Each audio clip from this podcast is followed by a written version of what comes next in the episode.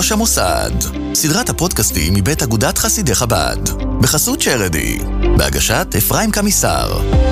שלום וברכה, וולקאם לפרק נוסף בסדרה המרתקת של ראש המוסד, הפודקאסט בעל התוכן העשיר והמחכים ביותר עבור שלוחי הרבי בכל אתר ואתר, הכל תודות לאגודת חסידי חב"ד בארץ הקודש, ואולי זו הזדמנות לומר תודה ליושב ראש אגודת חסידי חב"ד וצעירי חב"ד, הרב אהרונוב, ולמזכ"ל הגוך, הרב אריה למברג, על ההשקעה הרבה והמחשבה המעמיקה בכל הסדרה הנפלאה הזו. ותודה גם לאנשי השיחה שלנו, שלוחים יקרים, שהטריחו עצמם לאולפן ראש המוסד כדי לחלוק מניסיונם, והכל הכל למען הרחבת ושכלול הממלכה של הרבי.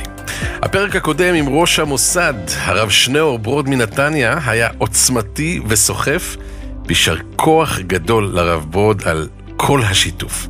כמו בכל פרק, מיד בסוף השיחה המרתקת, ממתין לכם טיפ מועיל של צ'ארידי. השותפים שלנו בסדרה הזו, אל תפספסו, גם הפעם, את הטיפ המחכים. 20 דקות זה הזמן שלוקח ללמוד חיטס בימים עם הרבה רש"י, כמו שהיה לנו השבוע. 20 דקות זה הזמן שלוקח להגיע מכיכר השלוחים בביתר עילית ליישוב נס הרים, לשם הגיעו השבוע ילדי בית היתומים מז'יטומיר, יחד עם צוותו של השליח המסור, הרב שלוי מביללם. 20 דקות זה הזמן שהקצינו לכל מרואיין שלנו, ונשתדל מאוד שלא לחרוג. ועם מי נשוחח היום? הוא נולד בירושלים לאביו הרב אהרון, מחבר הספרים הנודעים אבותינו ורבותינו על אבות וגדולי האומה, ולאמו, מרת צירה, עליה השלום. לאחר חתונתם יצאו הוא ורעייתו לשליחות רבת פעלים בתאילנד. שם פתחו באי קוסומוי בית חב"ד מוצלח, הכולל בית כנסת, מסעדה, בית למטיילים, סעודות שבת וחג רבי משתתפים. לאחר כמה שנים בתאילנד, לקח על עצמו לפתח ולנהל את מוסדות חב"ד בחדרה, בראשות השלוחים הרב קלוינימוס קופצ'יק והרב יוחנן בוטמן. תחת ניהולו המסור התפתחו המוסדות לבלי הכר, תלמוד תורה לבנים, בית ספר ותיכון חב"ד לבנות, רשת עניפה של גנים ומעונות, בית תבשיל כל אל אברכים והכל לצד בית כנסת חב"ד מרכזי ו-20 בתי חב"ד ברחבי העיר. אנחנו אומרים שלום לראש המוסד, השליח וסמנכ"ל מוסדות חב"ד בחדרה, הרב יוסי וקסלשטיין. שלום וברכה. אני רואה כאן את החיוך על, על הפנים שלך, כי, כי הרבה מאוד מהדברים שאנחנו נדבר כעת, הם, הם קצת שונים מהדברים שדיברנו בפודקאסטים אחרים, שדיברנו עם שלוחים, איך להגיע, איך להגיע למבנה, איך להגיע לבית חב"ד, איך להגיע לשטח, איך להגיע להקצאה, איך להגיע לכל זה. אתה מגיע עם גישה מאוד מאוד מקורית, עם קבלות, עם תוצאות, נכון. שאומרת, חכו עם ההקצאה. יש, יש דרך קלה יותר מזה. אה, לא הייתי אומר חכו עם ההקצאה, אם אתם אה, יכולים להשיג הקצאה, מה טוב, אבל אה, אני אומר שיש גם דרכים נוספות להגיע לאותה מטרה, וכדאי לנצל אותם, ויכול להיות שתגיעו למטרה מהר יותר וקל יותר מאשר באמצעות הקצאה. בדרך שאנחנו נדבר עליה עכשיו. בדרך שנדבר עליה עכשיו. אבל לכל שליח יש בראש את, ה, את החלום של ההקצאה. זאת אומרת, לכל, לכל שליח צריך שיהיה לו בראש את, את אותו חלום, ההקצאה שבו תבוא. כן, ואני חושב שלפעמים זה משהו שקצת uh, מעכב את השלוחים בארץ במיוחד. Uh, כששליח יוצא לחו"ל, לרוב, דבר ראשון הוא ישאף uh, לקנות מקום, שיהיה לו מקום של קבע.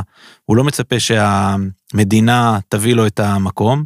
דווקא בארץ, בגלל שיש אפשרות לקבל מקום שהוא כביכול חינם, לפחות העלות של הקרקע, אה, זה גורם הרבה פעמים שמתמקדים בדרך הזו, שהיא דרך קצרה, אבל היא ארוכה. ובדרך שיש, מפספסים הרבה. בדרך מפספסים הרבה, בשעה שיש דרך שהיא אומנם ארוכה, אבל קצרה. אז, אז, אז ת, תסביר לנו, כי כשאנחנו לוקחים את זה למוסד, אנחנו, אנחנו יכולים להשליך את זה בדיוק כמו לזוג ש, שרוצה, שרוצה לקנות דירה.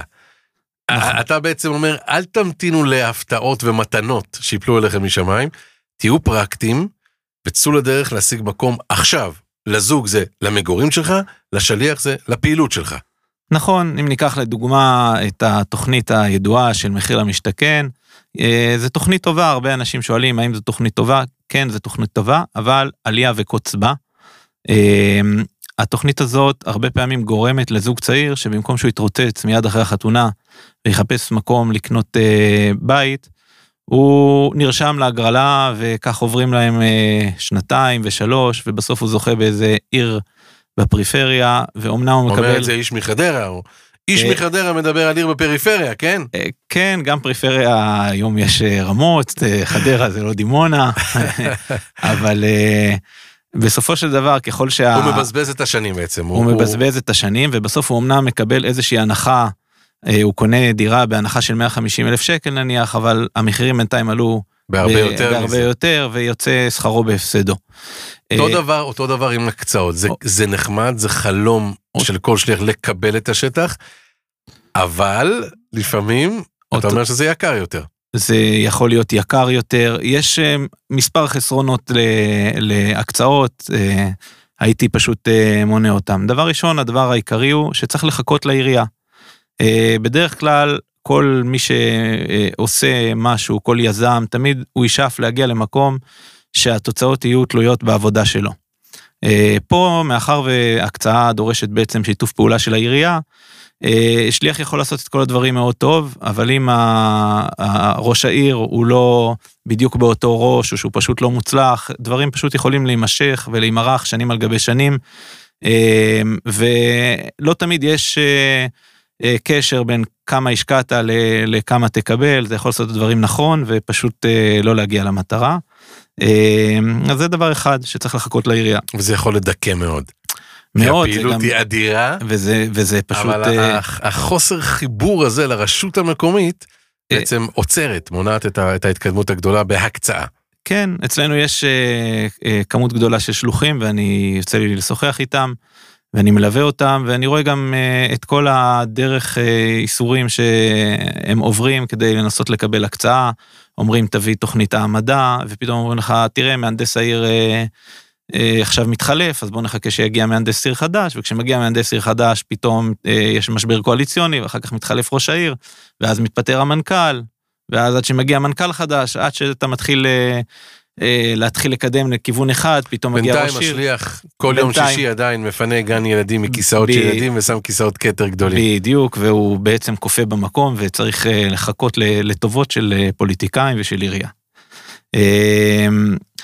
זה, זה אחד הבעיות. מעבר לזה, ב- כשעוסקים בנושא של הקצאה, הרבה פעמים קורה שהשליח מתחיל להתקדם, אה, ותוך כדי זה יש למשל הרבה מקומות שהקבלן בונה אה, בשביל ראש העיר, זאת אומרת הקבלן צריך אה, לבנות והקבלן יש לו המון השפעה על ראש העיר והוא פתאום בא ואומר יש לי אחיין שהוא רב ואולי כדאי שהוא זה שינהל את הבית כנסת אחרי שהשליח עשה את המניין אצלו בסלון במשך אה, שנים. אה, היו אפילו מקרים ששלוחים כבר עברו את כל הדרך איסורים וקיבלו הקצאה וקיבלו בית כנסת ופתאום אה, הוציאו אותם גם. אז שוב זה זה זה בעיה גם כן. אה, הרבה פעמים גם במהלך הדרך שעוברים בשביל ההקצאה אז פתאום אתה מתחיל בעולם ההשקעות זה נקרא מדללים אותך על המניות זאת אומרת אומרים לך תקים ועד ובוועד יהיה כל מיני אה, מתפללים שכל אחד הוא הוא אומן דאמר ויש את בעל הדעה ואתה פתאום מוצא את עצמך הרבה פחות אה, בעל אתה הבית. תהיה אולי עם המפתח, כי בדיוק אתה אבל זה שתבוא תצטרך כל מוקדם הזמן לפתוח, אבל לא אתה תקבע מה יקרה בתוך הבניין. כן, או שתקבע, אבל עם הגבלות מסוימות, זה גם כן איזשהו מינוס אה, מאוד גדול. אה, אתה, אתה, אתה פשוט מפרק לנו פה את כל היסודות ש, שכבר דיברנו ב, בשיחות קודמות. בואו כן. תעשו את זה אחרת. כן, בואו תהיו בעל כן, של, של נכס קיים.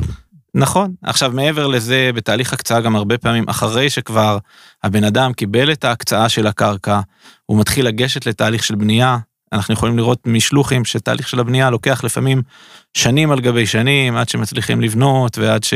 בניין כי- לעולם לא מסיימים, זה הכלל. אה, כן, זה כשרוצים לא לס- אה, לסיים, אבל גם כשרוצים לסיים, הרבה פעמים פשוט הדברים נתקעים, כי העירייה אה, היא כמו עירייה, הם לוקחים את הזמן שלהם, וכל דבר צריך שיעבוד בסינכרון, הכל זה זמן בירוקרטיה וזמן זמן ומאמץ. ומאמץ, וזהו, בסופו של דבר, כשאתה עובד עם עירייה, העיר- העירייה הם בירוקרטים, אתה תמיד תצטרך להתאים את עצמך אליהם, הם לא יתאימו את עצמם אליך אף פעם. אה, ואני אומר, כמובן, אם יש מישהו שיש לו כזו הקצאה, זה, זה דבר נחמד וכדאי שינסה לקדם אותה, אבל במקביל צריך לשקול דרכים אחרות. איכא דרכא אחרינה, יש דרך שהיא אומנם אה, ארוכה, אבל היא קצרה. והדרך היא אה, למעשה... להיכנס למבנים קיימים, יפה. לרכוש מבנה, להיות חכם, להיות מבין עם ריח טוב והבנה, איפה אפשר לקבל אותו במחיר זול, בתנאים טובים, משהו ש, שבכלל לא קורץ לאחרים, ובשביל שליח, בשביל מוסד, זה יכול להיות בינגו. נכון, לרוב השלוחים אה, הרבה פעמים פשוט לא מבררים, כי ה, ה, האפשרות הזאת לא נמצאת במודעות, ו, ולכן אני חושב שכדאי לעורר את המודעות פשוט.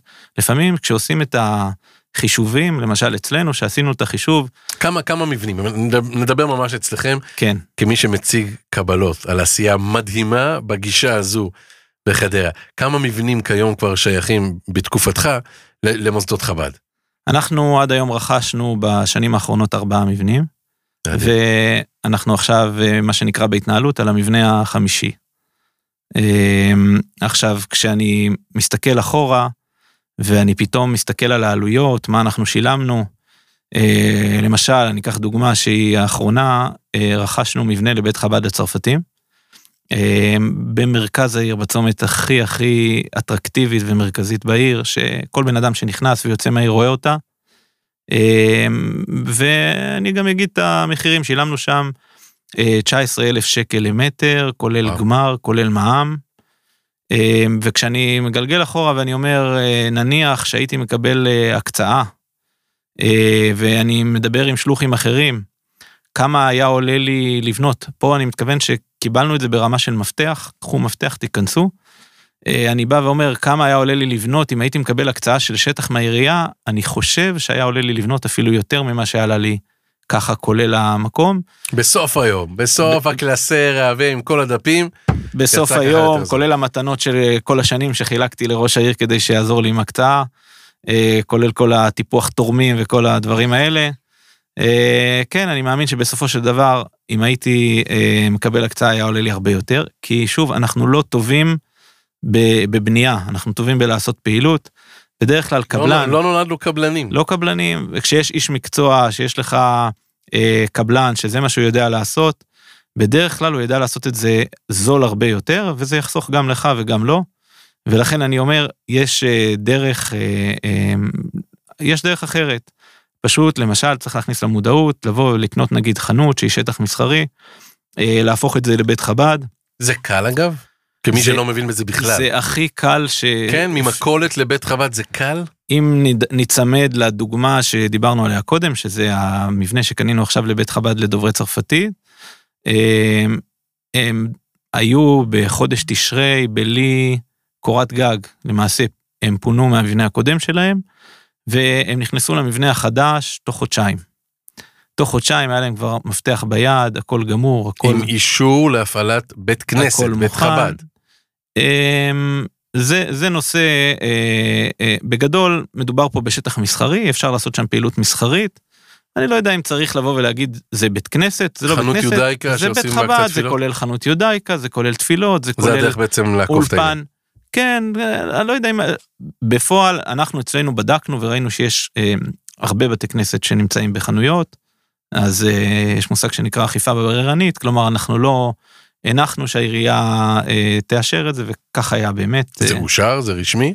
כן, זאת אומרת, כולם יודעים שיש שם בית כנסת ולא נעשה עם זה, זה אני מניח שזה בסדר. אה, אני גם יודע מהרבה מקומות אחרים שבית כנסת בתוך חנות, בשונה מבית מגורים אגב, חנות או שטח משרדים, שזה שטח מסחרי, אז זה סוג של פעילות מסחרית. אה, מקסימום תמיד אפשר לבוא ובית חב"ד הוא לא רק בית כנסת, כן? הוא... אפשר למכור עליות. בשבת בבוקר ואז זה מסחרי כבר. בדיוק, אפשר, אפשר לעשות את זה מסחרי, זה, לא- זה לא הבעיה, שיעורים, מועדון בר מצווה, אה, ספרייה, אה, כן, אפשר. טוב, וקסלשטיין, אתה, אתה מוציא לנו פה כותרות מאוד מאוד גדולות בפודקאסט הזה, אני כבר רואה את הכותרות שיצאו קודם, לפני שהוא יצא, וכולם כאן אה, מאזינים ורוצים לדעת. היום, קח לי את, את, את הגישה שלך, את הגישה שלך. אין לכם מבנה מרכזי, אתם מפוזרים היום. כי לקחת כאן, לקחת שם, לקחת פה. מה המינוס של זה היום כשאתה מפוזר, או האם אתה רואה דרך לחבר את זה יחד? אמ, האמת שזה, אם הייתי צריך לתת טיפ, אה, אגב זה נוגע גם למה שהתחלנו איתו, לגבי דירות, זוגות צעירים אה, אה, שואלים על דירות. אחת הטעויות של זוגות צעירים זה שהרבה פעמים מדמיינים את הבית שבו הם רוצים להיות. הם אומרים אני צריך ארבעה חדרים, חמישה חדרים, אני גר בירושלים, אני צריך דירה בירושלים. הוא לא יגיע לשם כי זה גדול עליו. תתחיל. הדרך הנכונה היא כן, תתחיל, אין לך... יש לך רק לשלושה חדרים, תקנה רק שלושה חדרים, אין לך לירושלים, תקנה בדימונה, ולאט לאט אה, אה, תשתדרג. אחת הטעויות שלדעתי הרבה שלוחים עושים, יש להם בדמיון איזשהו בניין גדול בצורה של 770 במרכז העיר, והם לא מוכנים להתפשר על איזושהי חנות קטנה אה, באיזשהו... זה לא פינה. אני, לא בשביל זה יצאתי לא לשליחות. לא אני, לא בשביל זה יצאתי לשליחות, בדיוק. ו, ופה מפספסים, כי הדרך הנכונה היא להתחיל עם אותה חנות, אה, לרכוש אותה, זה נכנס ופתאום מופיע במאזן, השווי, עוד מעט נדבר על זה, עולה, ואז הבנק אומר, שמע, זו עמותה מסודרת, הנה, יש להם כבר אה, יתרות, ואז יותר קל לקבל הלוואה, ומשם אה, אה, להשתדרג. אה, למשל, אצלנו, אה, לאחרונה פנו אלינו, אה, פנה אלינו אחד היזמים בעיר ואמר, תקשיבו, אתם, אה, אני רואה שאתם מפוזרים, יש לכם כמה מבנים בעיר, בואו אנחנו, תביאו לי את המבנים הישנים שלכם. וואו, הצעה שלו. הצעה שלו, ואני אה, אבנה לכם מקום אחד גדול שיכיל את כל ה... כמובן שהוא לא עושה את זה לש, לשם שמיים, והוא לא עושה את זה כדי שנבחר בו. הוא עושה את זה כדי להרוויח. כן, אבל לכם, אבל זה, כן, מי, מי חלם בתחילת הדרך שמישהו יבוא ויאגד אתכם יחד? נכון, וגם אנחנו לא היינו יכולים לחלום הולכים על, על זה? על מבנה בהיקף הזה. כרגע לא הולכים על זה כי זה לא נכון ברמה הטקטית, יש לנו נגיד בית חב"ד לדוברי צרפתית שמשרת אוכלוסייה מסוימת שנמצא באזור אחד, ובית חב"ד המרכזי שמשרת אוכלוסייה אחרת, זה לא נכון לנו לעבור. יש לנו אה, באחד המבנים היום פועל תיכון, אה, זה לא מתאים שהוא יחד עם בית הכנסת, יש לנו את השיקולים שלנו. אבל אה, אני אומר, דווקא ההתפשרות הזאת על מקום שהוא לא הכי טוב כבר על ההתחלה, אה, היא לא מקבעת אתכם לשם לתמיד, אלא להפך, היא מגדילה את היכולות שלכם להשתדרג מהר יותר. ולכן אני כן הייתי אומר, אה, אל תחכו לבניין שנמצא בחלום, אלא תתחילו בקטן ותגדלו משם. אחד הנקודות שהן פלוס בגישה הזו, אה, בגישה המאוד מפתיעה ומעניינת ופרקטית הזו. כי אתה כן. שובר חלומות להרבה מאוד, אה, להרבה מאוד שלוחים צעירים. כן, אני אומר את הזמן שאתם משקיעים אה, מול... אבל הם לא רוצים לשמוע את הדברים שלך. הם רוצים להיות הפורצי דרך. הם רוצים להיות אלה שישיגו את התורם ואת ההקצאה, וראש העיר והתורם ירקדו ביחד וכל אחד יוריד את החמישה מיליון שקלים שלו. זה לא קורה הרבה. אה, זה לא קורה הרבה, זה לוקח הרבה זמן. עכשיו שוב, אם מישהו יכול לעשות את זה, אז אדרבה, אז זה גם לא סותר. אה, נניח ששליח קנה מקום, ואחרי כמה שנים אה, יש לו פריצת דרך, וראש העיר קידם לו את ההקצאה המיוחלת, הוא תמיד יכול למכור, ולקחת את הכסף הקט, כן. ולבנות כן. בראש שקט, זה לא, זה לא עוצר אותו. אבל אה, שוב, אני אומר, הזמן שמשקיעים בללקק לפוליטיקאים, ו... חנופה. וחנופה ו- וכל זה, יכול להיות שאת אותו זמן, אם היינו משקיעים בתורמים ומנסים אה, להשיג תרומה על, לבניין, על חנות מכולת, כן. על חנות, כן, היינו יכולים להתחיל להתקדם משם. מדהים. יתרון נוסף זה שהבעלות היא מוחלטת. כלומר, אם אנחנו מדברים על אה, אה, הקצאה, הרבה פעמים במהלך הדרך וגם אחרי זה, בסופו של דבר השטח הוא שטח ציבורי. ובדרך כלל, גם כשזה מוקצה לבית כנסת ואתה הבאת את התרומות, יש איזשהו תקנון של בית הכנסת שנותן כוח למתפללים, אה, והרבה פעמים זה יכול להוביל לבעיות בהמשך הדרך, יש שלוחים שקיבלו הקצאות ואחר כך אה, פינו אותם מהבית כנסת, שלוחים שהשקיעו שנים והתחילו אה, אה, מניין בסלון של הבית, ושפתאום דברים התחילו להתקדם וזה הגיע להקצאה, פתאום הגיע איזה קבלן שמקורב לראש העיר ו... והכניס איזה בן משפחה, ברגע שקונים את המבנה בבעלות פרטית, בדיוק, אז הבעלות שלך היא מוחלטת, אתה בעל הבית, אנשי אמון ששייכים לבית חב"ד, וזהו. אה, וזה עצמו מונע המון פעמים אה, חיכוכים. כי ברגע שיודעים שאי אפשר לשנות שום דבר ואתה בעל הבית, אז הם, הם מקשיבים. מעניין, ממש ממש מעניין, כי אתה נותן פה את הטיפים איך להיות איך להיות הבעלים של דברים שאולי פחות גדולים, פחות נוצצים, אבל הם שלך, ואתה ישן רגוע איתם בלילה. נכון. אה, יש גם יתרונות נוספים. אה, בדרך כלל כשהולכים לעסקה כזו וקונים עם אנשי עסקים, אז יש גמישות. כשאתה מדבר עם בירוקרטים, עם עובדי עירייה, אם צריך אישור כזה, אתה צריך להביא אותו, זה, אתה לא יכול לנסות לעקוף את זה מסביב. אבל כשמדובר על אנשי עסקים, הם תמיד יהיו פתוחים לשמוע מה היכולות שלך. אנשי עסקים שמהם אתה קונה, מהם אתה רוכש. שמהם אתה קונה, כן, נניח... הלב שלהם יהיה חם יותר כי הם יודעים מה אתה הולך לעשות שם. גם, וגם המחשבה שלהם תהיה פתוחה יותר. אם אני אבוא אליו ואני אגיד לו, תקשיב, אני צריך נניח מיליון שקל בשביל לקנות את החנות הזו. אתה מדבר על, על מישהו שאתה רוכש ממנו או שותף שלך לקנייה? אני מדבר על מישהו שאני רוכש ממנו. רוכש ממנו? כן. ואתה אומר לו, אני צריך מיליון שקל, אבל לא, אתה אמור לשלם לו. אני אומר לו, תקשיב, אתה רוצה מיליון שקל על החנות, כן. אני יכול להשיג 50 אה, אחוז כהלוואה, ו-50 אחוז, חצי מיליון, אני צריך אה, לגייס. אני עכשיו עושה צ'ארידי, אוקיי? והצ'ארידי, ייקח לו זמן עד שהוא ייכנס. אני מתחיל עכשיו את הצ'ארידי, רק עוד חצי שנה, אני רוצה את החצי מיליון שאני צריך לתת לך כהון עצמי, לפרוס, ותיתן לי אישור לבנק שקיבלת את התשלום. וואו. אנחנו עשינו את זה, אמרנו, למשל, פעם זה, נתן, נתנו 50 צ'קים של 10,000 שקל, שזה חצי מיליון שקל מתוך ההון העצמי, פרוס. כי אמרנו לו, תשמע, יש לנו כבר הבטחות על החשבון, הוא כתב לבנק, הוא אישר לבנק שהוא קיבל את התשלום, כי הוא קיבל את ההמחאות, והבנק מבחינתו ההון העצמי שולם, כן. הנכס על שמנו, ואנחנו קיבלנו את ההלוואה. אבל באופן כללי, בכלל, כשמה שאתה, מה שאתה תרצה, הם תמיד יבואו לקראתך, כי הם אנשי עסקים, הם יודעים איך לשנות את העסקה שתהיה מתאימה לך. אמ, דבר נוסף, אני חושב שהרבה פעמים כשקונים מקבלן, אפשר לבוא ולומר לקבלן, בוא אתה תבנה. אמ, ולרוב המחירים הם מאוד מאוד אה, זולים, הוא יודע איך לבנות טוב, הוא יודע איך לבנות מהר. כש... הרגש לך... שלו גם יהיה שם, נכון? כי הוא יודע מה המטרה, מה, מה בסוף נבנה כאן. כן, זה פחות רגש, יותר מיומנות. שלנו אין, הרגש שלנו הוא יותר חזק, אבל המיומנות שלנו היא לא בבנייה, אנחנו יודעים לעשות פעילות. אני מתכוון לרגש שלו במחיר. הוא יבוא וייתן איזשהו מחיר בבנייה שהוא צריך לעשות, מכיוון שהוא יודע מה הולך להיות כאן, זה לא בן אדם שבונה לו בית מגורים עם סלון מרהיב, אלא זה יהיה גן ילדים, אלא זה יהיה בית ספר. גם, אני, אני אסביר למה אני מתכוון. במבנה הראשון למשל שקנינו, אה, קנינו מבנה, ואחר כך רצינו לעשות בו שיפוץ, הלכתי לקבלן, אמרתי לו כמה יעלה לנו לעשות את כל השיפוץ, הוא נתן לנו הצעת מחיר של, אה, אה, אני חושב 300 אלף שקל, משהו כזה. ואז אמרנו, טוב, אני אנסה לחסוך, אני אביא רצף, אני אביא חשמלאי, אני אביא זה, אני אעשה הכל לבד. על הנייר יצא הרבה פחות. אבל בפועל, כשהתחלנו להתנהל בצורה הזו, עלה לנו בסוף פי שניים ושלוש ממה שהיה מההצעה היקרה כביכול. וואו. כי התחלנו עם החשמלאי, נגמר לנו הכסף, ברח הרצף, עד שהוא הגיע, עד שזה, כל אחד שכח מה, מה, מה צריך, צריך לנצח על המקהלה הזו. וקבלן שהוא איש מקצוע, שזה מה שהוא עושה, אתה בא, אתה קונה ממנו חנות, בדרך כלל חנות מקובל אה, אה, אה, להשאיר אותה ברמת מעטפת, כלומר בלי ריצוף, בלי, בלי, בלי דקורציה פנימית. וכשרוכשים אותה, אתה אומר לו, אני רוצה ככה וככה, אני רוצה ריצוף, אני רוצה ארון קודש, אני רוצה קירות פה, אני רוצה מקווה. עשינו מקווה באחד המקומות. וואו. אה, הוא בא, הוא עושה את זה, ובאופן יחסי, ההמלצה שלי, יצא הרבה יותר זול לשלם לו, שהוא ירוויח והוא יעשה את זה, מאשר לנסות לבד. לאותו בן אדם שמכר לך את הנכס. כן, והם עושים את זה מהר, במקרה שלנו עשה את זה תוך חודשיים.